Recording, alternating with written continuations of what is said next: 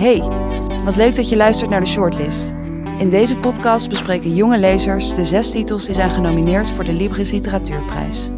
In deze aflevering praten Anna en Lotte over Willem die Madoc maakte, van Nico Dros.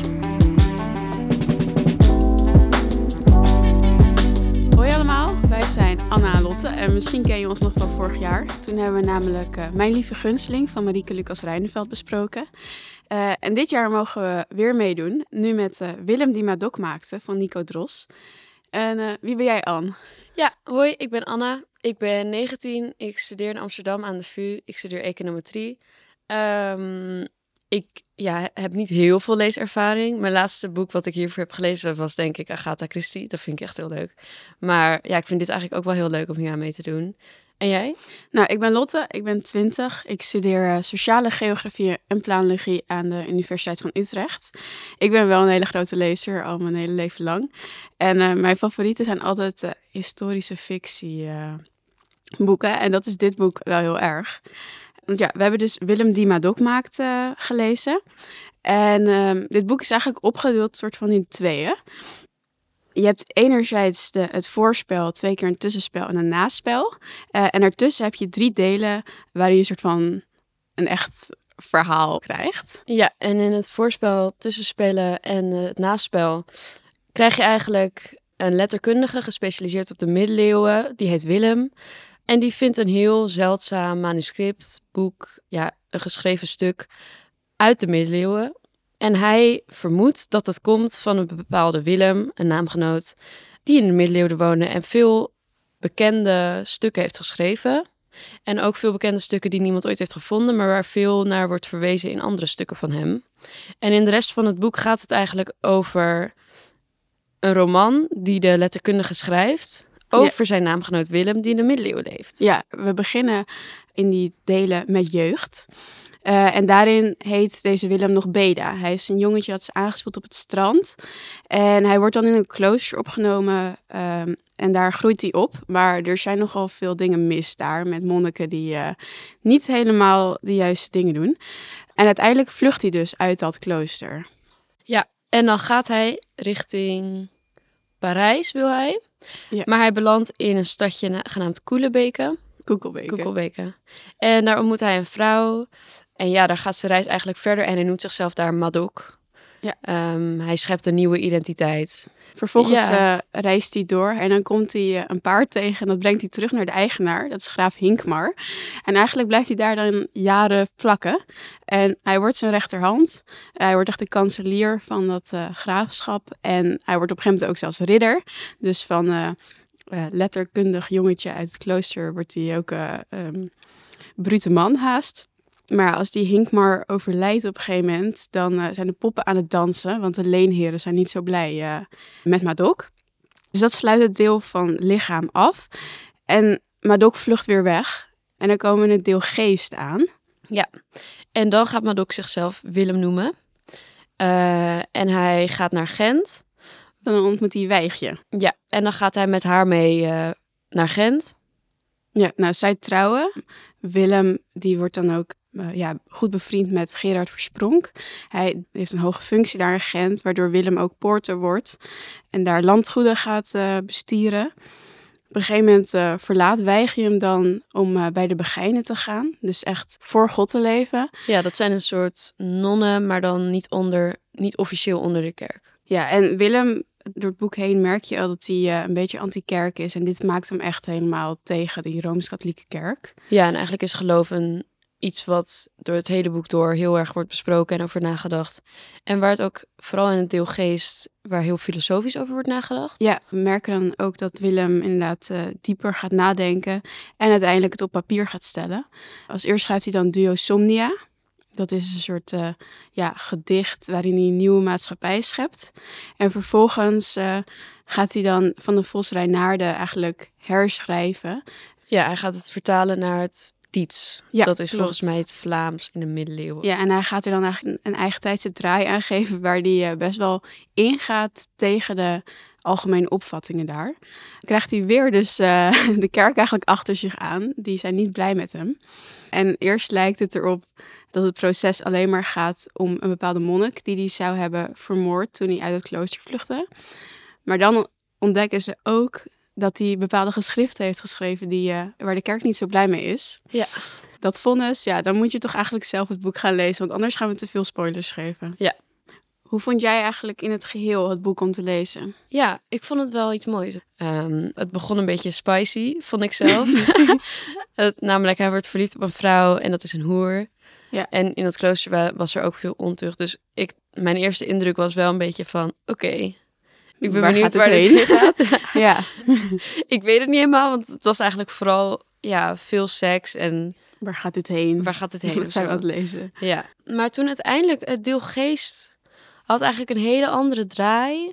Ja, het leek bijna alsof je een soort van drie boeken in één boek had, door dat jeugd, lichaam en geest. Ja, en het was ook zo filosofisch. En ik ben zelf ook christelijk, dus ja, het zijn dan ook vragen of dingen waar je over nadenkt die ik zelf ook een beetje heb. Ja, En dan lees je dat en dan denk je, oh ja, dit is eigenlijk wel cool, wel een leuke vraag. Of ik snap Willem wel. En Mhm. ja, ik weet niet, dat vond ik wel heel leuk, omdat het iets dieper over het geloof ging dan een beetje alleen maar de Rooms-Katholieke Kerk is slecht. ja. ja, het zet je wel aan het denken inderdaad sowieso over de kerk als instituut. Ja, precies. Ja. En jij? Hoe vond jij het boek in het algemeen? Ja, ik, eh, ik had wel hetzelfde als. Dat ik in het begin echt dacht, waar ben ik eh, aan begonnen? Eh, maar toen ik eenmaal een beetje in dat verhaal kwam en begon te snappen hoe het zat met Willem en Madok en Beda, zeg maar. Dat ik echt wel er echt in meegesleept werd. Het hele verhaal, het is wel, ik vond het heel erg pakkend. En nou, wat ik net al even zei, een beetje alsof het een soort gewoon een ridderroman is die je leest. En op het eind wordt het nog meer een soort filosofisch werk, wat je echt ook soms wel aan het denken zet. Waar je even moet teruglezen van, wow, wat staat hier?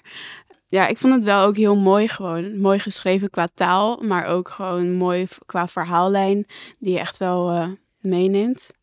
Wat vond je ervan dat hij eh, zo hoog opklom eigenlijk? Dat hij echt kanselier werd en ridder. Ik vond het wel heel knap. Ik vond het wel cool.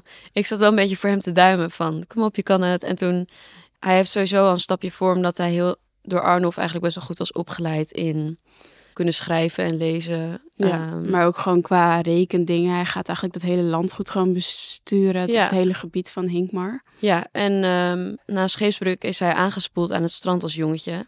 En mensen hebben altijd vermoed dat hij ergens van een koning afstamt. En dat komt eigenlijk in het boek wel voor dat hij die kwaliteiten wel bezit. Ja, inderdaad. Leiderschap, eh, zelfverzekerdheid en ehm, een sterk lichaam. Ja. Ja, ik vond het zelf ook gewoon wel heel leuk om te lezen. Omdat het bijna alsof je een soort ridderroman aan het lezen bent. Met allemaal avonturenverhalen. eh, waarin die eh eh, ja, Madok van alles meemaakt. Op een gegeven moment heb je nog weer een oorlog hier en een opstand daar.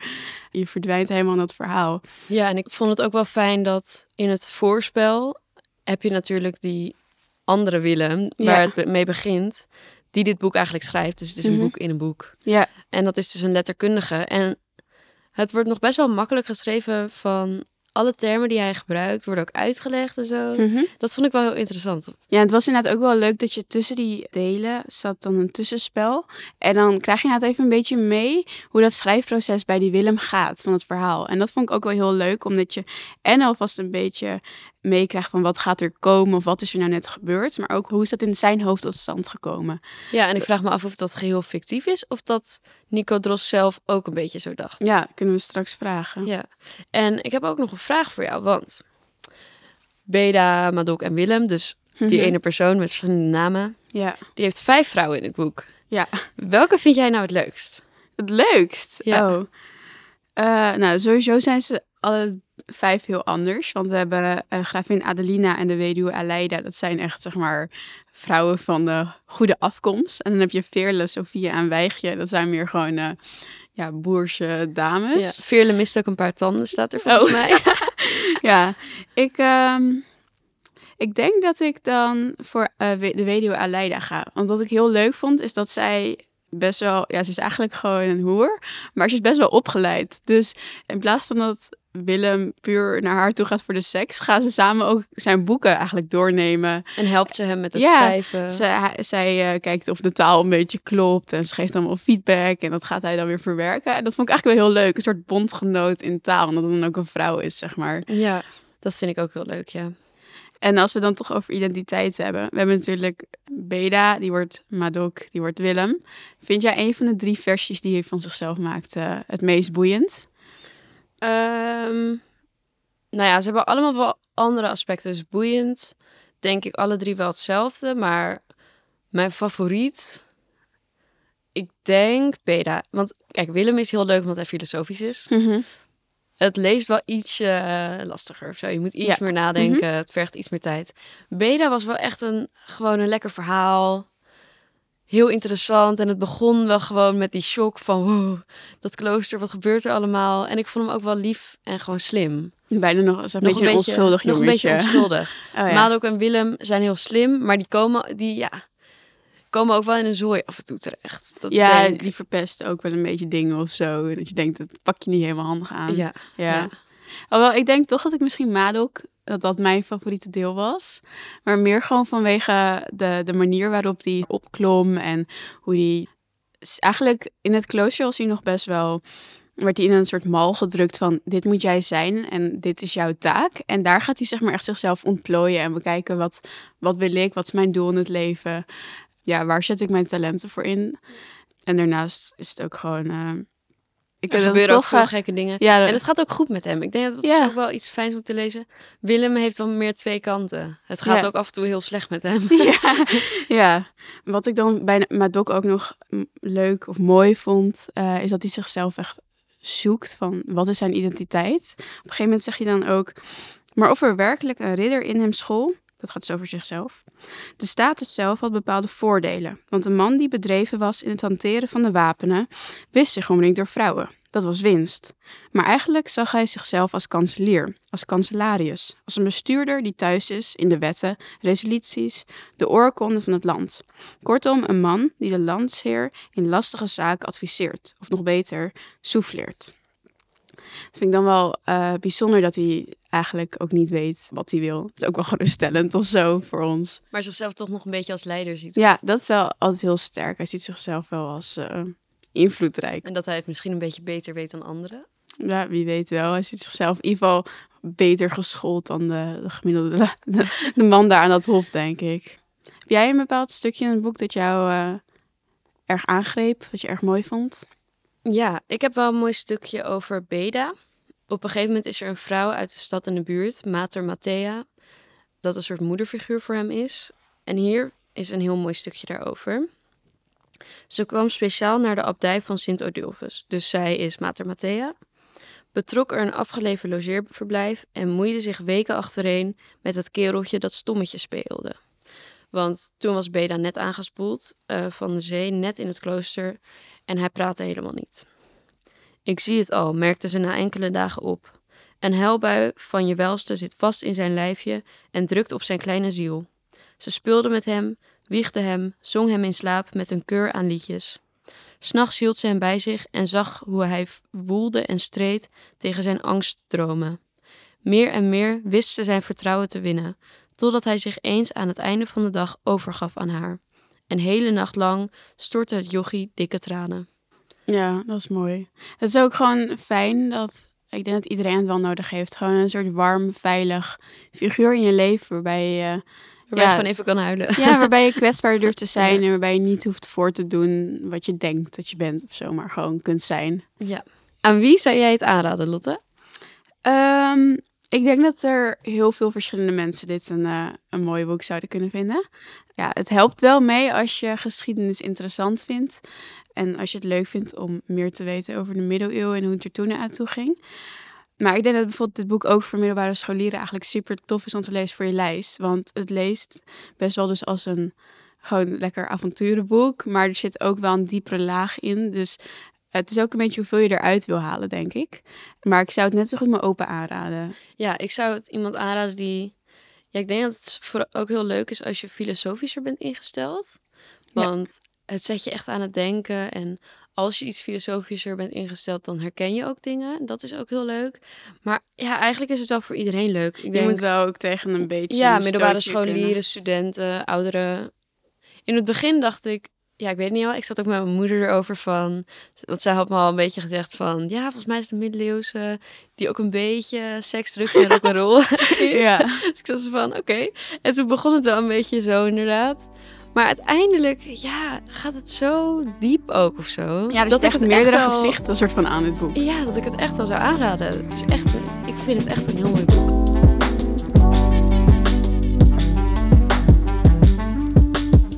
Nou, we zitten hier met Nico Dros, de auteur van dit boek. Gefeliciteerd met je nominatie van de Libresprijs. Dankjewel. Hoe vind je het om genomineerd te zijn? Nou, dat is, een, eh, dat is wel speciaal. Hè? Je bent een beetje uitverkoren. Je loopt een beetje anders door de wereld. Ja. En je wil vooral niet denken aan een eventuele prijs die jou zou kunnen wachten. Want dat, dan is de teleurstelling ook zo groot als die weer Oh ja, aan je ja. neus voorbij gaat. Eigenlijk dit al als een prijs zien van wauw, ik heb al de prijs. Ja, dit is erkenning en het is een beetje de, de eer en de oplage. hè. Ja, Je wil ook nog wel een beetje klimmen. Ja, ja. Nou, leuk. Ehm, als eerste was ik gewoon even benieuwd. Als je het boek ziet, dan staat er natuurlijk een schilderij op. Is het een specifiek schilderij? En ja, is het bijvoorbeeld Willem die we eigenlijk zouden moeten zien hierin? Nou, ik, ik heb het zelf niet samengesteld. Oh, het is wel grappig. Ik had een andere omslag eh, gekozen of uitgezocht. Ja? En die is gebruikt. Eh men zei bij de uitgeverij, nou die is best wel, is best wel ruig en, en, en nogal eh, demonisch. Oh, Eh, ik vind het op zichzelf best een aardig plaatje. ja. En eh, het, het suggereert ook inderdaad. Er is een jonge gast die, hè, die, die, die in feite eh, die flirt met, met, nou laten we zeggen, adellijke dame. Ja, En dan aan de andere kant zie je een oudere heer. En dat ja is die natuurlijk eigenlijk ook om het wat- hoekje zit geslagen. Wat in feite in het boek ook gebeurt. Ja, Dus, dus we zouden hem een beetje kunnen zien als eh, Willem of Madok. ja, Of, ja, zeker. ja. Oké. En wat was de inspiratie achter dit boek? Hoe kwam je erop? Nou ja, het is eigenlijk die ene regel waar, waarmee de, eh, het epos, het dierenepos van de Vos Renade begint. En nou ja, dat is eigenlijk gekomen toen ik in mijn studententijd, ik, ben, eh, ik heb geschiedenis gestudeerd, maar laten we zeggen in een andere tijd eh, dan jullie. en wij hadden, wij, hadden, wij hadden eigenlijk veel meer mogelijkheden en, en ruimte. Ik heb bijvoorbeeld ook, hou je vast, elf jaar gestudeerd. Niet omdat ik zo lui was, maar omdat ik gewoon heel veel eh, vakken heb gedaan. Een van de ja, uitstapjes, dat was zo af en toe een, een werkgroep historische letterkunde. Middeleeuwse literatuur vind ik eigenlijk erg leuk. Maar vooral die van de Vos Reynade, waar dan, en ging het altijd om die literaire mystificatie van wie, wie, wie of wat is Madok, wie is die Willem. En ehm, nou ja, dat vond ik eigenlijk vond ik zelf ook heel spannend. En ik dacht eigenlijk dat er wel iets te vinden over zou zijn. Toen bleek er ontzettend veel over geschreven te zijn sinds 1840, 1850. Gaat echt om tienduizenden pagina's. Jeetje. Maar niemand heeft eigenlijk iets concreets daarover gevonden. Op een paar kleine eh, citaten na in de in middeleeuwse literatuur. Waarbij blijkt dat het hele Madok-verhaal toch wel bekend moet zijn geweest.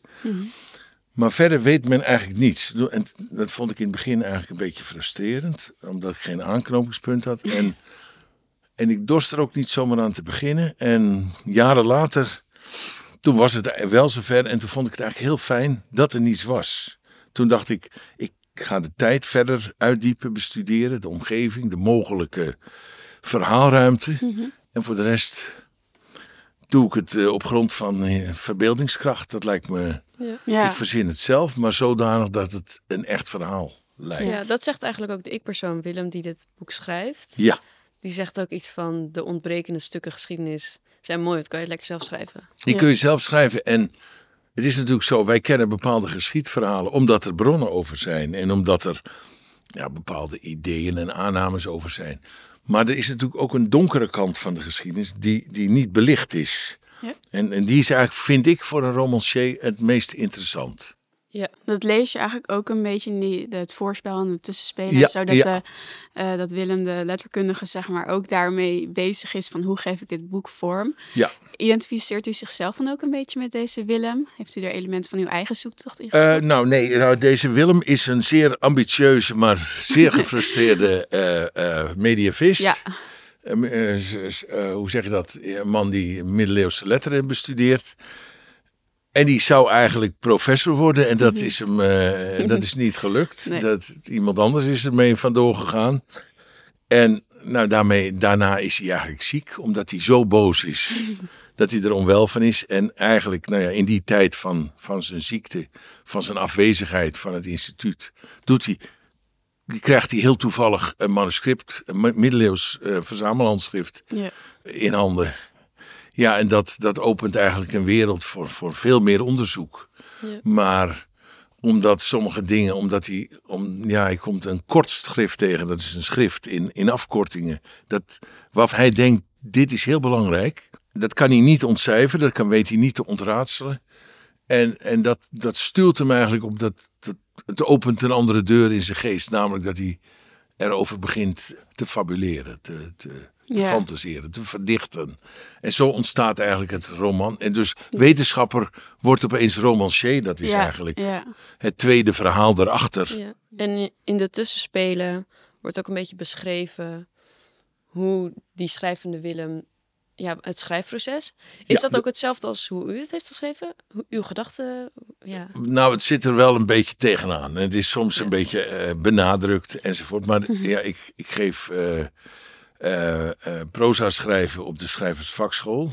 Schrijversvakschool Amsterdam. Eh, En eh, ja, ik vond het eigenlijk ook wel leuk om iets van dat proces en, en, en van de worsteling duidelijk te maken aan, ja, aan, aan lezers. Hè. Dus dat Ja. het, hè, er wordt natuurlijk heel vaak, je hoort wel eens schrijvers die heel snoevend kunnen vertellen in, eh, dat ze iets in een zeer korte tijd hebben geschreven. Maar ja, dat, dat kan ook wel, maar dan hebben ze waarschijnlijk heel lang daarvoor nagedacht. Ook wakker gelegen en eh, dat, ze het even, dat ze het even niet wisten. Want kijk, als je echt een verhaal schrijft op de top van je kunnen, dan eh, lig je af en toe echt wel gewoon vertwijfeld. Lig je op de bank en jezelf te haten omdat het eventueel niet lukt. Oh In eerste instantie. En dan moet je weer overeind, dan moet je naar je Mhm. bureau en dan moet je gewoon aan het werk. Ja. En heel vaak gebeurt het dan dat je ziet wat je fout doet of wat het verborgen gebrek is in een tekst. En dan, be- en dan herstel je dat en dan begint alles weer te stromen. Begint de fontein van de geest weer te sproeien. Ben je verliefd op de hele wereld en werk je als een gek weer door. Oh. Zo gaat Ja. dat. Want hoe lang heeft u er nu over gedaan om dit boek eh, te schrijven? Ik heb dat eh, binnen een ruimte van vijf jaar heb ik er denk ik drieënhalf jaar vol aan gewerkt. Wauw. En daarvoor heeft u denk ik ook best wel vaak het al door uw hoofd laten gaan als u in de Ja, maar- studie al hiermee Maar het eh, gekke was dat ik dus geen verhaal had, maar ik had wel een idee. Oké, ja. Een soort van idee van Mhm. ja, ik moet, ik moet. Eigenlijk wist ik een paar dingen van, nou, die Manok, dat is een figuur. Dat is een wel, weliswaar een, dat is of een historische figuur of een personage. Dat weet ik, wist ik nog niet zo goed. En ik dacht ook, dat boek van Manok, dat is, dat gaat zo tegen de middeleeuwse, hoe zeg je dat, Eh, de status quo, Ja. eh, de, de, het establishment van, van kerk en, en feodale staat in dat mag eigenlijk niet bestaan. Dus dat is een boek wat, ja, wat te erg is. En eh, daarom kennen wij er ook geen snipper van. Nee. Er is, het is Oh ja. verdwenen. En eh, dat was het uitgangspunt. Meer wist ik eigenlijk niet. Heeft u dan eigenlijk in het boek ook geprobeerd zoveel mogelijk wel bij de historische feiten te blijven, maar dan zeg maar het verhaal van Willem? Nou ja, het is zo. Ik ben, ik ben aan de ene kant historicus. Mhm. Ik zou nooit, maar dan ook nooit, eh, de geschiedenis in die zin eh, vertroebelen door, door dingen erbij te halen die eigenlijk onmogelijk zouden zijn. Mhm. Dus sommige dingen zijn zeer nauwgezet gereconstrueerd, historisch gezien. Bijvoorbeeld de slag bij Bouvines, hè, dus die, die ridderslag. Eh, andere zaken ook. En de hele historische ambiance is eigenlijk hè, tot en met de Vlaamse steden en de verhoudingen met, de, Ja. met het bisdom. Eh, Frankrijk, de, uni- de universiteit van toen. Alles is goed gedocumenteerd en volgens mij historisch verantwoord weergegeven. Ja, wel op mijn eigen manier. Maar wat betreft de personages die niet hebben bestaan, ja, daar heb ik een zekere vrijheid in genomen. ja. En daarin zoek ik ook soms de grens op. Ja, nou wel super interessant dan ook, eh, vond ik Ivo ook om het te lezen, omdat je weer zo'n beter beeld gewoon van die tijd krijgt. Het gaat echt leven, hoe het Ja. dagelijks leven er toen En- uitzag. En je hoeft niet bang te zijn dat je bedrogen bent op het eind. Want het is historisch, als ambiance, als entourage, is het verantwoord neergezet. Zit er dan eigenlijk ook nog personages in die echt hebben bestaan? Of zijn Ja, alle- bijvoorbeeld eh, die Franse koning. Hè, die, eh, Oh, ja. Er zijn een aantal, hè, ook de, de een paar van die Hollandse graven en dergelijke. die, dat, die waren gewoon historisch. Maar ja, ik heb op een gegeven moment bijvoorbeeld een klooster neergezet ten zuidwesten van Brugge. in, het, in de duinen of in het, op de geestgronden. Ja. En ik dacht, nou ja, eh, misschien heeft er een gestaan, maar ik ga dat allemaal niet uitzoeken. Ik creëer hem zelf wel. Nee, dat mag dan ook omdat het fictie eh, eigenlijk. Ja, dat is dus eigenlijk. Dus toen dacht ik, nou, dat klooster heet Odulfus. Dat is eigenlijk wel mooi, want dat is de, de heilige uit de Merovingische tijd die daar de eerste stappen zette om de zaak te gaan bekeren. Dus ja, prima. Maar goed, het heeft niet bestaan, maar dat klooster is wel zeer waarheidsgetrouw of werkelijkheidsgetrouw is het neergezet. Ja, interessant. Ja. Ja, wij vroegen ons ook af dat het hele boek gaat ook over het geloof. En in het deel geest ook heel filosofisch. En er wordt ook veel over nagedacht. Maar heb je expres het een soort ja, drie-eenheid, zagen we dat dan toch een beetje? Beda, Madok, Willem. Oh nee, nee dat, maar dat zou je natuurlijk kunnen denken. Hé, hey, dat is grappig. Dat hij zichzelf ook een beetje als God zag of zo. Ja, Nee, dat absoluut niet. Dat zeker niet. Het is een ondermaanse man. Hè? Dus echt een aardse kerel. ja, En Die weet van, eh hoor eens, we moeten het hier vinden. En je mag best zeggen dat God het geschapen heeft. Maar die schepping, dat is, dat is geweldig. Hè? Of het nou de vogels zijn, of het fruit, of de vrouwen. dat, eh, hè, dat, die middeleeuwse neiging om te zeggen: ja, hoor eens, de wereld moet je verzaken. Je moet los van het eh, vlees zien te komen en van de begeerte. Ja, dat is hem allemaal een gruwel als ze ook zulke dingen zeggen. Dat, dat vindt hij niks. Ja, hij is verder. Ja, hoe moet ik het zeggen? Het is iemand die, die ontzettend houdt van de wereld. ja. Net als ik. Ja. Want wat heeft hij zelf met het geloof? Niks. Niks? Nee. Ik vind het interessant, sociologisch gesproken. Ja. Maar in mijn boek zelf is het natuurlijk ook de tirannie van de moederkerk tegenover een vrije geest, als die van Maandok Willem, hoe je hem ook noemen wil. Dat is eigenlijk het, diep, het diepst liggende thema van het, eh, van het boek, Ja. uiteindelijk. En dat is eigenlijk verrassend actueel weer. Hè? Omdat bijvoorbeeld in in huidig Oost-Europa is het ook de tirannie tegenover de mensen die liever in vrijheid van denken en doen zouden willen leven. En dus het is wat dat gaat. Het wordt misschien ook wel een globaal, een planetair issue, omdat je natuurlijk, je hebt de tirannie zoals Rusland, maar ook China. Hè, dat zijn natuurlijk, eh, dat zijn natuurlijk wereldmachten.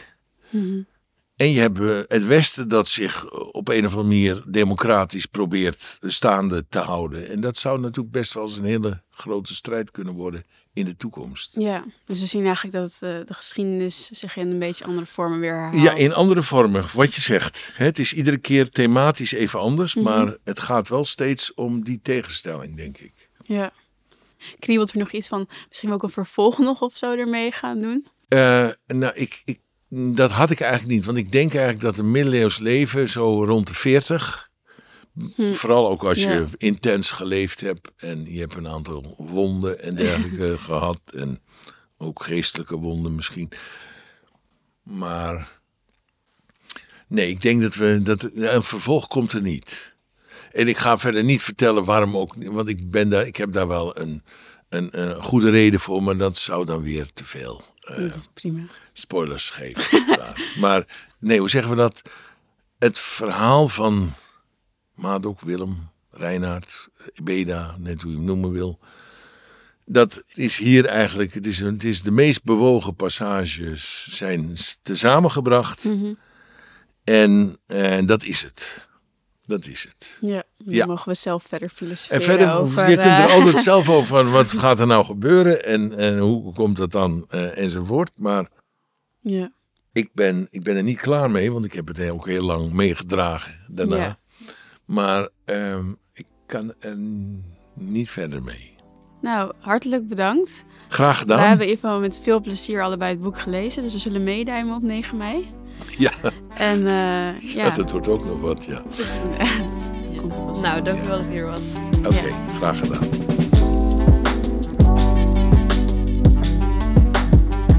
Volgende week horen jullie wat Anna en Lotte vonden van Alexandra van Lisa Weda. Wil je geen aflevering missen? Volg ons dan in je favoriete podcast-app. Verder kun je ons vinden op Facebook en Instagram als Libris Nieuws. Tot volgende week.